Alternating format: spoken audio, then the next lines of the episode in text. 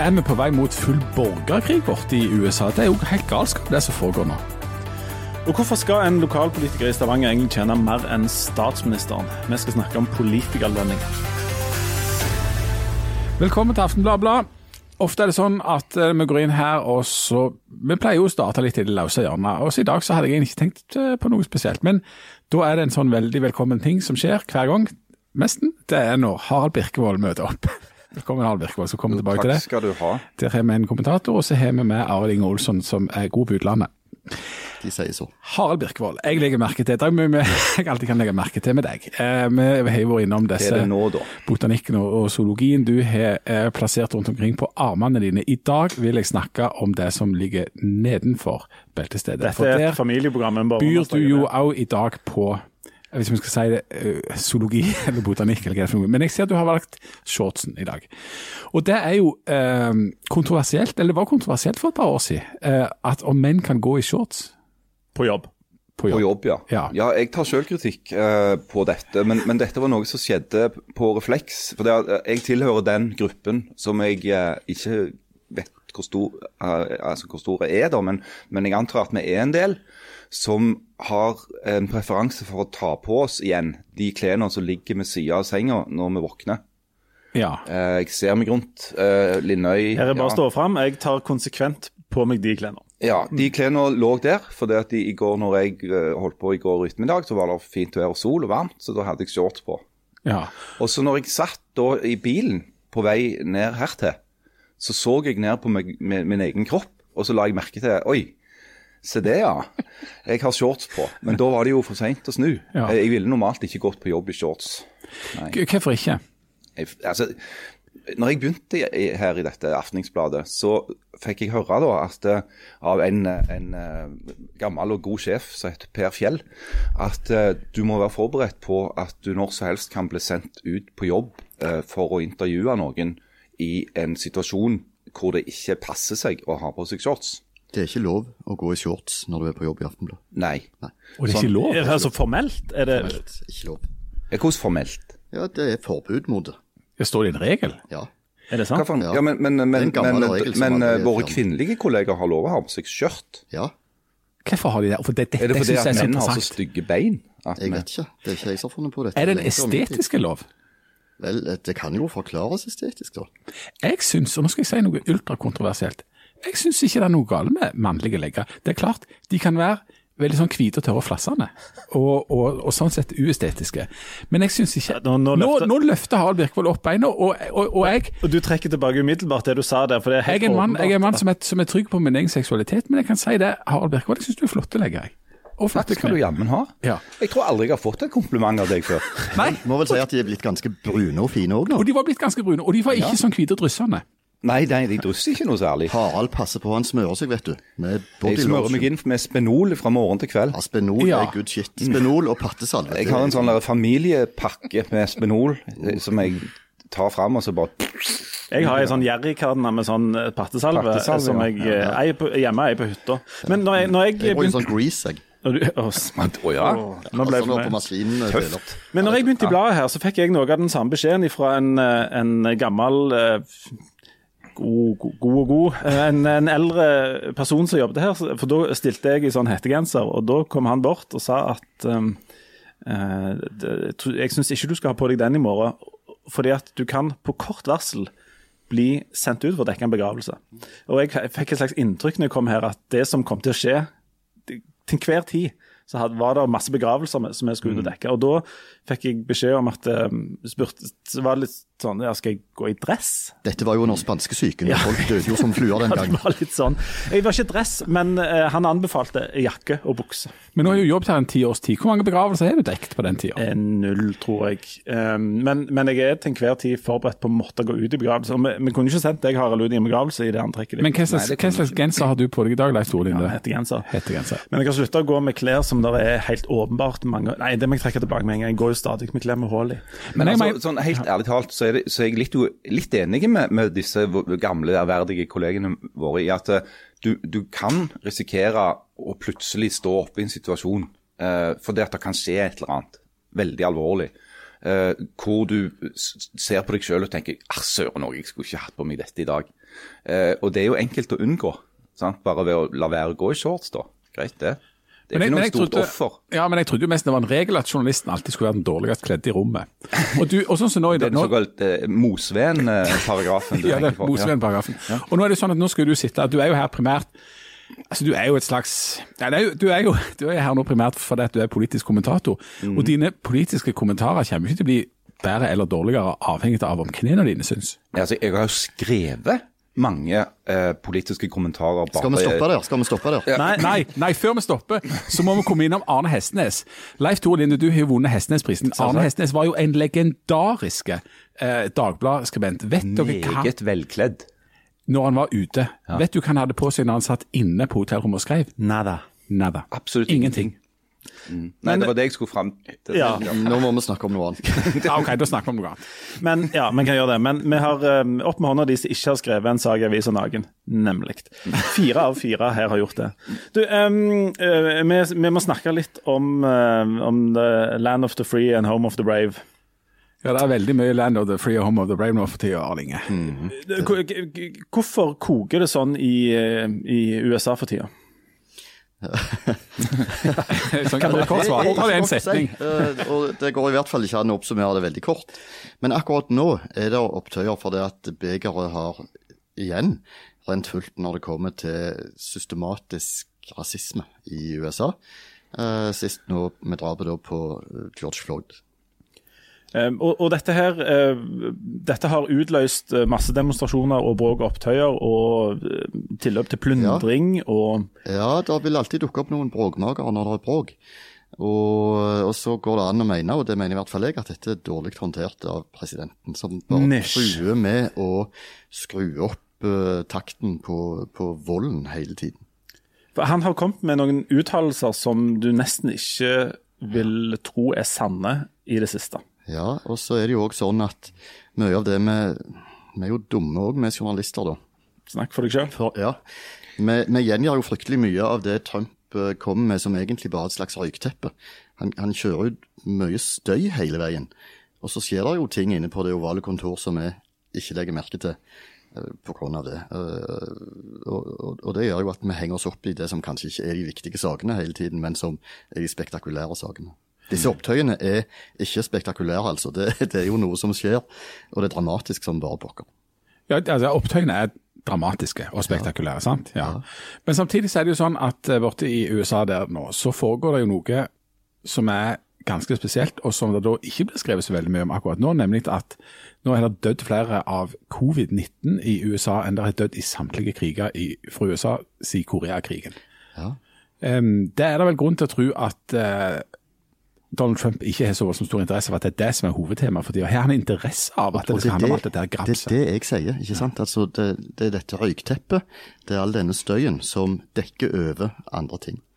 Uh, og Trump er på vei inn, han er faktisk i en valgkampsituasjon. Uh, og, og han vil selvfølgelig gjøre alt han kan for ikke å tape. Men jeg mener, jeg er nå i tre-fire års tid, sannsynligvis sikkert muligens tatt feil, men jeg har meint at han ikke er så strategisk som mange journalister og kommentatorer tillegger han å være. Altså at han skulle sitte der og spille sånn avansert firedimensjonalt sjakk der han forutser ulike samtrekk, og at hvis jeg tvitrer noe om det eller sier noe om det, så vil det avlede oppmerksomheten. Jeg synes han virker mage og instinkt og raseristyrt og følelsesstyrt, men effekten av det er at han forkludrer, eller at du ikke går inn i det som er de viktige sakene.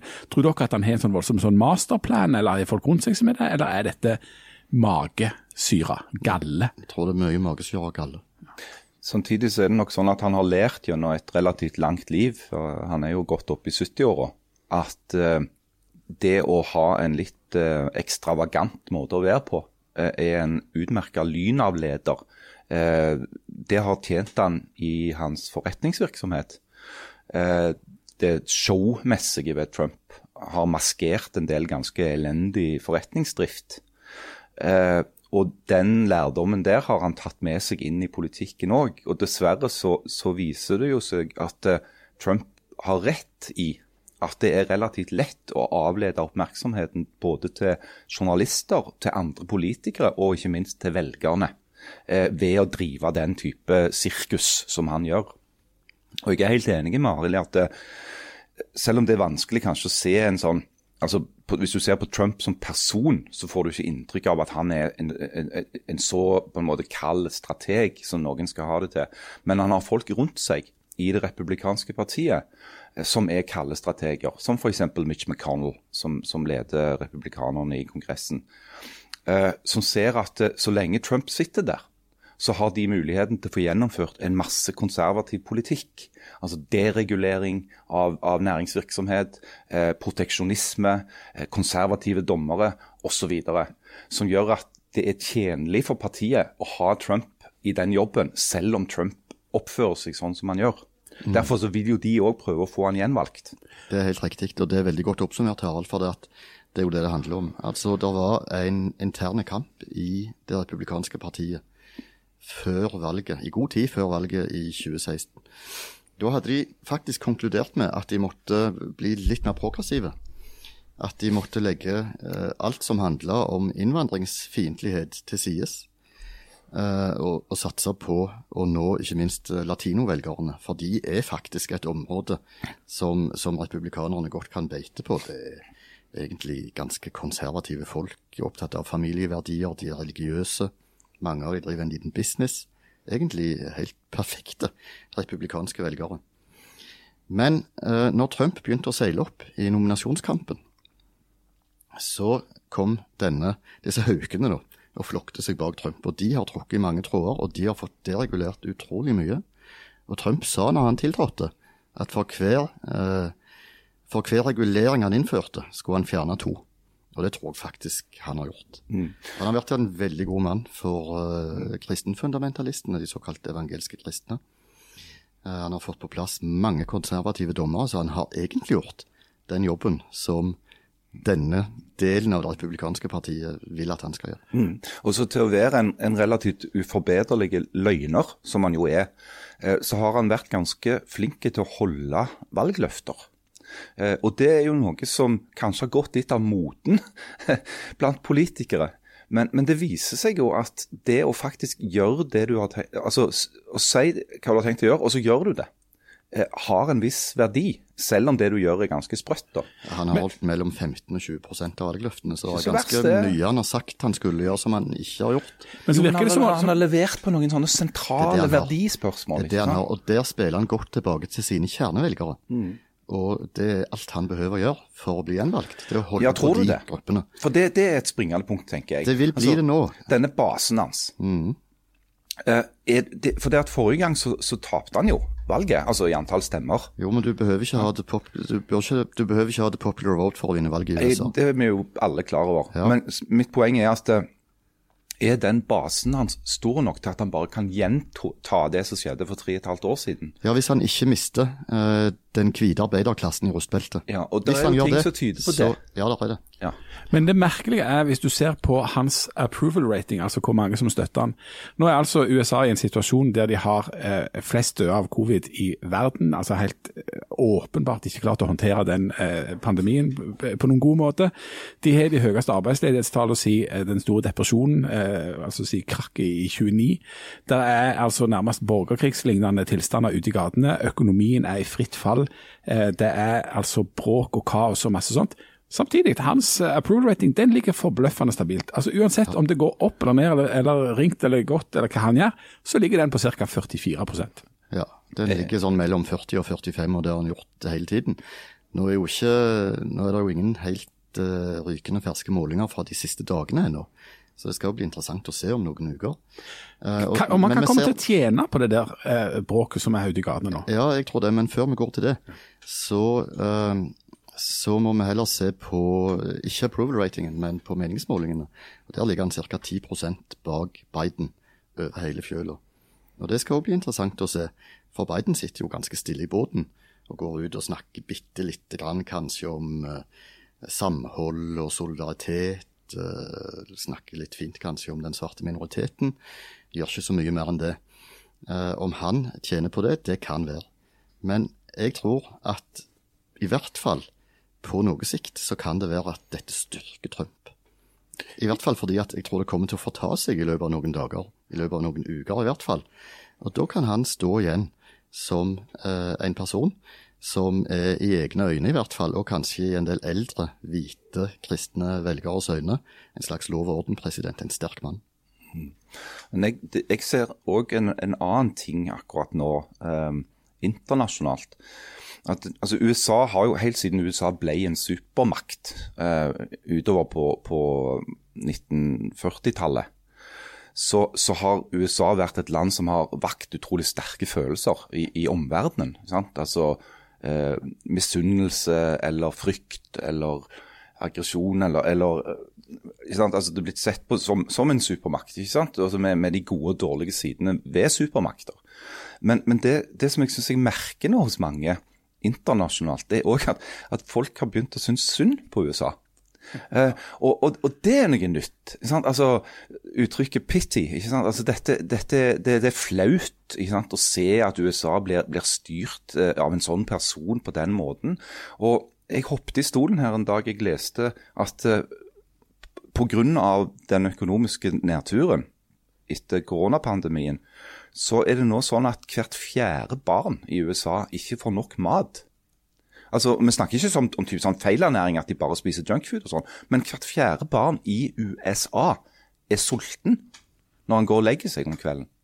Ja, Det er helt, det er helt uvirkelig. Og det er òg én av tusen svarte menn eh, statistisk sett eh, kommer til å dø av å bli skutt av politiet. Ja. Det er noen sånne ting som virker helt sånn absurd. Og oppi dette her, så de bildene av en president som midt under disse opptøyene, altså eh, pepperspray vekk eh, protest, altså folk som protesterer, for å gå og posere på sida av ei kirke med en bibel. Det er jo bilder som en forventer at altså, Putin på en måte kunne gjort i de poseringsgreiene. Og den der prosesjonen som han gikk i der, det er jo sånn Kim eh, altså sånn Nord-Korea-opplegg. Og vi, vi er jo blitt vant med å se Trump i sånne ting. Det er jo egentlig helt absurd, er det ikke det? Jo, eh, og dette har jo vakt sterke reaksjoner blant kirkeledere i USA. Det er litt interessant. Mm. Er det sånn at, han egent, at dette egentlig virker helt mot, mot sin hensikt? Jeg tror Trump hadde reagert ganske sterkt hvis det var Erdogan som sto foran en moské og vifta med Koranen. Ja. Nei, det er ville ting. Det, det er det. Og det er sånn at du lurer på om, om dette er begynnelsen på slutten for USA eh, som en slags eh, midtpunkt i verden. Eh, når, du, når du ser landet For én ting er liksom Trump. altså På et eller annet tidspunkt så vil vi jo være kvitt Trump. Altså om altså, maksimalt fire og et halvt år så er vi kvitt han. Eh, med mindre han gjennomfører et statskupp. Sånn at Trump kommer uansett til å være en historisk parentes. Men spørsmålet er jo hva skjer etterpå? Altså, Hva skjer med dette landet hvor du har fått en så, et så polarisert politisk klima, eh, og der de heller ikke klarer å oppfylle løftene sine om, om økonomisk velstand og trygghet til, til nok innbyggere? Altså, det, det, Forskjellen på de som har noe og de som ikke har noe i det landet, bare øker og øker og øker. Og da må vi jo huske på det at denne polariseringen er Trump et symptom på. Han er ikke årsaken til den. Dette har pågått siden i hvert fall 1960-tallet. Og, og ulikhetene har økt voldsomt siden Reagan var president på 1980-tallet. USA var et velferdssamfunn.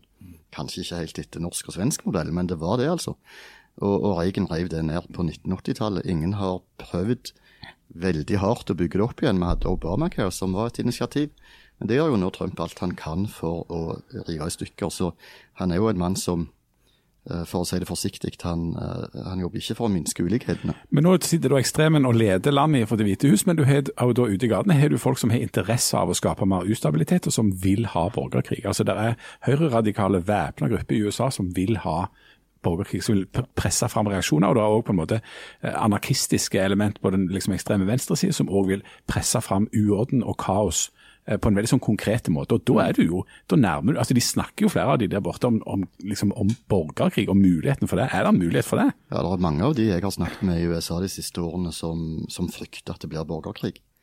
Uh, på grunn av den polariseringen som vi ser nå. Og det er klart at de ulikhetene som Harald snakker om, de er jo med å fyre opp under det. Og når de fengsler og skyter journalister med gummikuler og, og, og arresterer CNN-reportere live, eh, og, altså, det, Dette er ikke første gang det, det blir um, protestert mot uh, rasisme eller uh, at det blir opptøyer på, på grunnlag av at politiet har drept uh, folk i USA. Men det er ganske, kan dere huske at det har blitt skutt og arrestert 100 journalister i løpet av et par dager før? Ikke i USA. Altså, det, jo, det, var jo eh, arrestasjoner mot journalister f.eks. under opptøyene under borgerrettskampen i USA eh, på 1960-tallet. Eh, det var jo òg journalister som ble eh, Eller journalister slash aktivister. For det at den gang, og faktisk den dag i dag, så er det noen gang litt vanskelig å, å se forskjell på eh, journalister og, de, og, folk som er, kan trene som aktivister. Mm. Eh, journalist er jo ikke noen beskytta tittel. Eh, så du kan jo f.eks. kalle deg for journalist som jobber for en borgerrettsorganisasjon. Eh, så det har jo skjedd, eh, helt klart. Men det, det som jo nå er ekstra skummelt, det er at disse disse arrestasjonene og denne voldsbruken mot journalister, det kommer i en situasjon hvor landets president har brukt de siste fire årene til å kalle journalister for samfunnsfiender. Han har piska opp et, eh, et hat mot eh, journalistikk, eh, som jo får eh, utslag. Det er naivt å tro noe annet. Han er jo til og med gått eh, til angrep på sin viktigste kanal Twitter, for det at de altså har vært så forferdelige at de har lagt ved lenke til fakta rundt påstander han med. Det kunne vi jo fulgt en hel podkast med. Jeg støtter han jo litt der, jeg da. Jeg mener jo at disse sosiale mediene selvfølgelig har et redaktøransvar. Ja, Men da støtter du, da støtter ikke, du ikke, ikke Trump, da støtter du de sosiale mediene? Nei, fordi at det Trump har skrevet ut en presidentordre på, det er at uh, de sosiale mediene må ta et redaktøransvar. Ja, men, men, poenget er at da skyter han seg selv i foten. Absolutt. Det, ja, han, han, det er jo helt korrekt, det er jo det han har gjort. Uh, og det er jo en holdning som Aftenbladet har på lederplasser gitt tilslutning til. Det er at uh, i en situasjon hvor uh, det er vanskelig å se for seg at utfallet av valget i USA i, i, 2016 hadde blitt sånn som det ble, hvis ikke det hadde vært for at de sosiale mediene, særlig Facebook og Twitter, i stor grad ble brukt til eh, falske nyheter og propaganda. Eh, til og med i regi av andre land, f.eks. Russland. Så, så, så er det klart at en diskusjon om en plattform som Facebook eller Twitter bare kan sitte og se på at de blir brukt til propagandaformål, den, den er du nødt til å ta. Uh, og Nå er det jo også interessant å se at Twitter har valgt å, å gå inn forsiktig og, og, si at noen ytringer fra presidenter er såpass alvorlige fordi de er feil eller fordi de oppfordrer til vold, at de som selskap ikke kan med god samvittighet bare la dette skje. Mark Zuckerberg i Facebook er fortsatt gjenstridig og ønsker altså han, han, sa vel så sent som i går at han har sett en del ting han syns er, er forferdelig, men han, han, eh, han, frykter for konsekvensene hvis Facebook går inn og begynner å, å leke redaktør. Eh, men på et eller annet tidspunkt så tror jeg at, at Mark Zuckerberg må innse at han ikke bare er redaktør, men han er en av verdens mektigste redaktører. Mm, helt riktig. Altså, de, de, de, dette vil tvinge seg fram. Så på et eller annet tidspunkt så ringer Mark Zuckerberg rundt til, til, til politikere i Stavanger for å f.eks. sjekke hva de tjener, eller uh, hvor de skal på sommerferie og sånt. Der fikk du en overgang du behøvde. Ikke sant? Ja, vi måtte få dere inn på et, eh, på et nytt spor her. Så, men hvis, hvis Facebook-sjefen blir redaktør, så får han vel sånne oppgaver òg. Altså, Facebook-sjefen har jo allerede tatt redaktøroppgaver, men på litt sånn rare eh, felter. F.eks. Så, så vil han eh, sensurere antikke statuer eh, hvor damer ikke har tildekkede bryster. det har han gjort i lang tid. Ja. men nå er det kanskje på tide å, å, slutte å være så jækla prippen og heller begynne å sensurere ting som faktisk fortjener å bli redigert. Og Da må han òg begynne å skrive ledere. og I den første Facebook-lederen fra Mark Zuckerberg så kommer det til å stå Frode Myrhol tjener for mye penger. Ha, ja. må, det var den rette rauda som feiser. Hvor mye tjener Zuckerberg? Nei, Han har til salt i såret, han. Ja. Men vi har, uh, Aftenbladet har skrevet litt om, um, om um, politikerlønn de siste dagene, og da spesielt FNB-leder Frode Myrhol. Eh, som... Men æres den som æres bør. Det er Trond Birkedal, vår faktisk kommentator, ja. eksterne kommentator som har gjort litt research og gjort noe sannsynligvis vi burde gjort. Ja. Sjekka hvor mye tjener politikerne. Og Dette vet jo Trond Birkedal del om, fordi han har vel sittet i en posisjon der han har tjent eh, ganske mange av disse kronene sjøl. Ja, og, for, og for de som ikke måtte ha lest akkurat dette, så må vi si hva, hva han fant ut for noe. For det han fant ut at Frode Myrhol, som du altså er leder for FNB, som i nasjonal sammenheng er et miniparti med 2,4 oppslutning, men som i Stavanger, fant vi ut nå nettopp, fikk 9 oppslutning eh, ved forrige valg. Han tjener minst 1 841 808 kroner. Det er altså Ja, det holder til bompenger, da. Det holder til ganske mye bompenger. Det er 100 000 mer enn lønna til statsminister Erna Solberg. Og det er altså en halv million mer enn ordføreren i Stavanger. Men tjener han mer enn Lars Helle, sjefredaktør i Stavanger Aftenblad? Det? Nei. Nei, Nei. det gjør han ikke. Nei. Men det er jo forskjell på, på private og offentlige penger her. og Dette er offentlige penger, derfor er det spesielle penger. Um, Er det, er det et problem med Harald Birkvold, politisk kommentator i shorts, at en leder for et miniparti i Stavanger tjener mer enn statsminister? Altså, Størrelsen på partiet skulle i hvert fall ikke ha noe å si uh, her. Det, dette, denne her uh, Så det er størrelsen det kommer an på. Det er ikke størrelsen det kommer an på, nei. Det kommer vel an på shortsen. Tino Stiltnes-shortsen. Det Altså, greia er at dette er jo en, en effekt av at Frode Myrhol har uh, fryktelig mange politiske verv. han har to jobber i praksis. i Han har i praksis to jobber. En i fylket og en i kommunen. Jepp.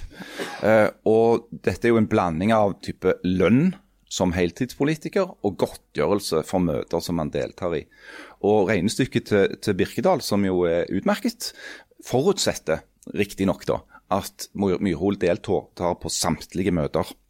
Eh, og det, det er det jo grunn til å tro at han gjør, for det, Frode Myrhol er jo en av de aller mest aktive og synlige politikerne vi har. Eh, han er jo òg en av de mest taletrengste. Han har eh, fryktelig mye taletid i, i eh, både bystyresalen og andre saler hvor han opptrer. Så det er ikke tvil om at Frode Myrhol er en politiker som jobber hardt. Eh, og så har Myrhol sagt at en grunn til at han har blitt sittende med så mange verv, er at eh, FNB har fått inn veldig mange ferske folkevalgte.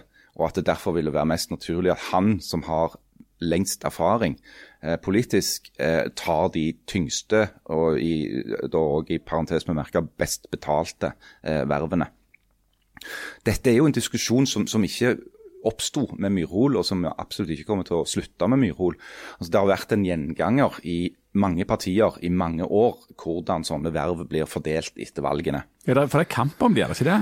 Det er kamp om de, og, og et eh, eksempel fra nyere tid var jo etter den, den forrige nominasjonstumultene i Fremskrittspartiet, som endte opp med at, eh, at eh, Christian Wedler ble, ble da ordførerkandidat, eh, var jo at Wedler og til dels Leif Arne Moy Nilsen fordelte mange av de best betalte vervene i, i Fremskrittspartiet mellom seg.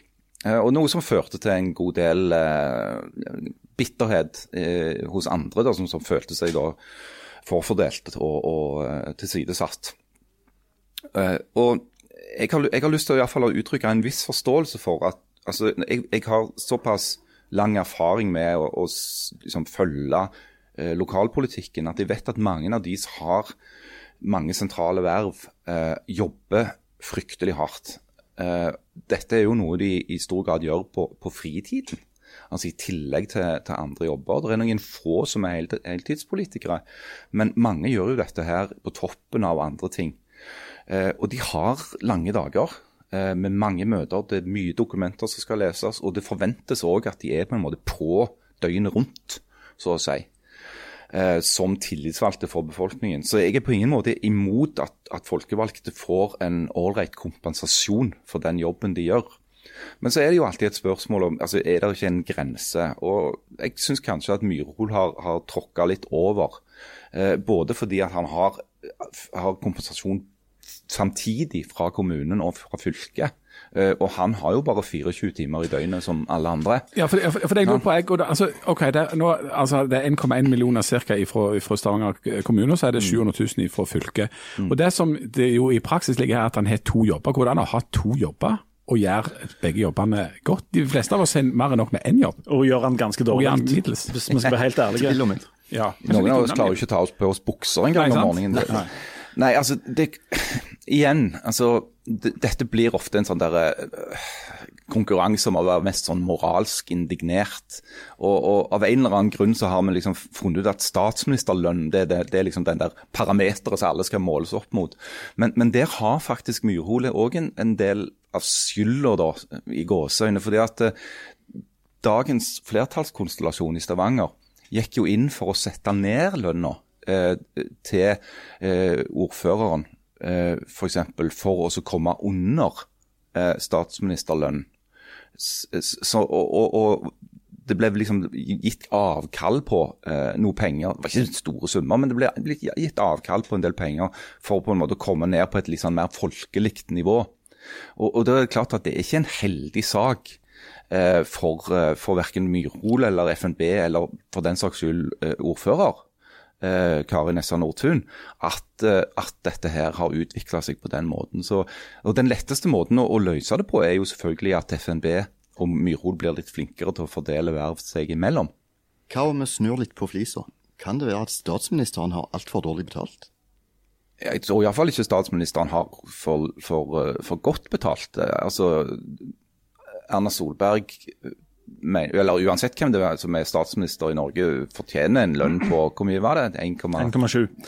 Er, er, er, det et gyldig uh, argument å si at systemet er sånn? For, uh, Frode Myhr, det er jo ikke sånn at Frode Myrhold har, har heia til seg masse penger som han ikke har krav på her. sant? Fordi at uh, Når han får de vervene og de posisjonene han har fått, så er lønna som han er. Er det, er det gyldig å bare si at systemet er sånn, jeg har disse jobbene, case closed? Ja, på en måte. Ja. Altså, systemet er sånn. Det er ingenting i det som har kommet fram som tyder på at Frode Myhrvold har gjort noe galt. Eh, han har bare tatt en haug med verv. Eh, men det spørsmålet som kan stilles, og som, som Birkdal òg stiller, er jo om klarer du, når du tar på deg så mange oppgaver, å gjøre en god nok jobb i alle de oppgavene. Og til det så svarer Myrhol ja, jeg har stor arbeidskapasitet, jeg har ikke familie. Det er dette som er på en måte livet mitt. Fra jeg våkner om morgenen til jeg legger meg om kvelden, så er jeg politiker. Så, så kanskje, altså Folk har jo veldig forskjellig arbeidskapasitet. Det kan jo hende at han er en av de som har veldig, veldig høy. Men, men prinsipielt, for altså når folk ser at en politiker i Stavanger har den lønna de har, uansett forklaring, er det et problem at avstanden blir såpass store? Til, til ei vanlig lønning? Det er jo en diskusjon som kan tas, eh, og som òg har blitt tatt til dels. Det er jo om Altså Hvis du får en situasjon hvor det er å være toppolitiker er så godt betalt at du ikke har sjanse til å få en tilsvarende godt betalt jobb hvis du slutter som politiker, at det kan føre til at du får en del sånn broiler eh, altså hva heter det, broilerfarm. Folk som bare er politikere? Ja, så, ja ikke sant. Fordi at de, de, ser at ok, hvis jeg slutter med dette her, så kommer jeg til å gå ned en million i lønn. Uh, så, så, kan jo det føre til at folk klamrer seg fast til taburettene sine for enhver pris. Jeg sitter her og snur på disse flisene, jeg. Mm. Det må jo òg være sånn at folk ikke går personlig konkurs eller brutalt ned i lønn fordi om de velger å ta et politisk verv. Mm. Jeg syns òg at politikere skal ha godt betalt. Eh, altså at vi skal at, at nettopp, altså du, må, du må sikre deg at flinke folk som kan tjene godt, òg vil velge politikken. Det jeg syns blir problemet, er når småkonger og, og, og, og, altså mange av mellomlederne rundt omkring i statlig, eh, om det er virksomhet eller i, i eh, politikken, tjener mer enn de som er på den suverene toppen. Altså at eh, at en eller annen mellomleder i en statlig etat skal tjene mer enn statsministeren, synes jeg er urimelig. For rett og slett fordi jeg mener at Erna Solberg er det største ansvaret. Hun bør på en måte tjene best. Så kan det godt hende at hennes lønn burde blitt jekka opp. Men eh, det at, at det er på en måte 30 direktører eh, i jernbanen som tjener mellom 2 og 4 millioner, er jo i realiteten et mye større problem enn at politikerne får for mye penger. Altså Formelt sett så er jo alle i dette landet unna eh, kongen, statsministeren og stortingspresidenten. Ja, jeg eh, føler jeg Men du har jo en haug med, med, virksomheter som er helstatlige og halvstatlige, hvor, hvor, lederne tjener mye mer enn disse. Eh, ta oljefondet. Det har jo akkurat vært en diskusjon om, om, eh, om Nicolai Tangen. Og han hans, trenger lønna. Kan ikke si noe annet enn det. Han, han skal leve, han òg. Det, det, skulle ikke forundre meg om man bare gir det vekk, eh, det han tjener, eh, som, som, sjef i oljefondet. Men, men der handler det jo om om andre mekanismer som slår inn. De, ofte så sier de at for å kunne konkurrere om de beste folka, så må vi kunne tilby det de kaller en konkurransedyktig lønn. Eh, Det kan godt være at det til en viss grad stemmer, men jeg tror òg at det blir til en viss grad utnytta til å kompensere folk eh, hinsides enhver fornuft. Men kan noe av den logikken overføres på dette? Altså at i Stavanger så burde det vært ordføreren som tjente best, ikke lederen for et ja, det, det, det har 9 stemme her, men Ja. altså et bitte lite parti, egentlig. Men, det handler, men, men Jan, jeg er litt sånn uenig i den måten å legge det fram på. For det at eh, sånn som den lokale politikken fungerer, så er det ikke nødvendigvis størrelsen på partiet i valg som bestemmer. Eh, Det er jo de resultatene du får i forhandlingene etter valget. Eh, Det er jo det som har gjort at vi har hatt en varaordfører fra Kristelig Folkeparti i Stavanger siden Harald Hårfagres tid.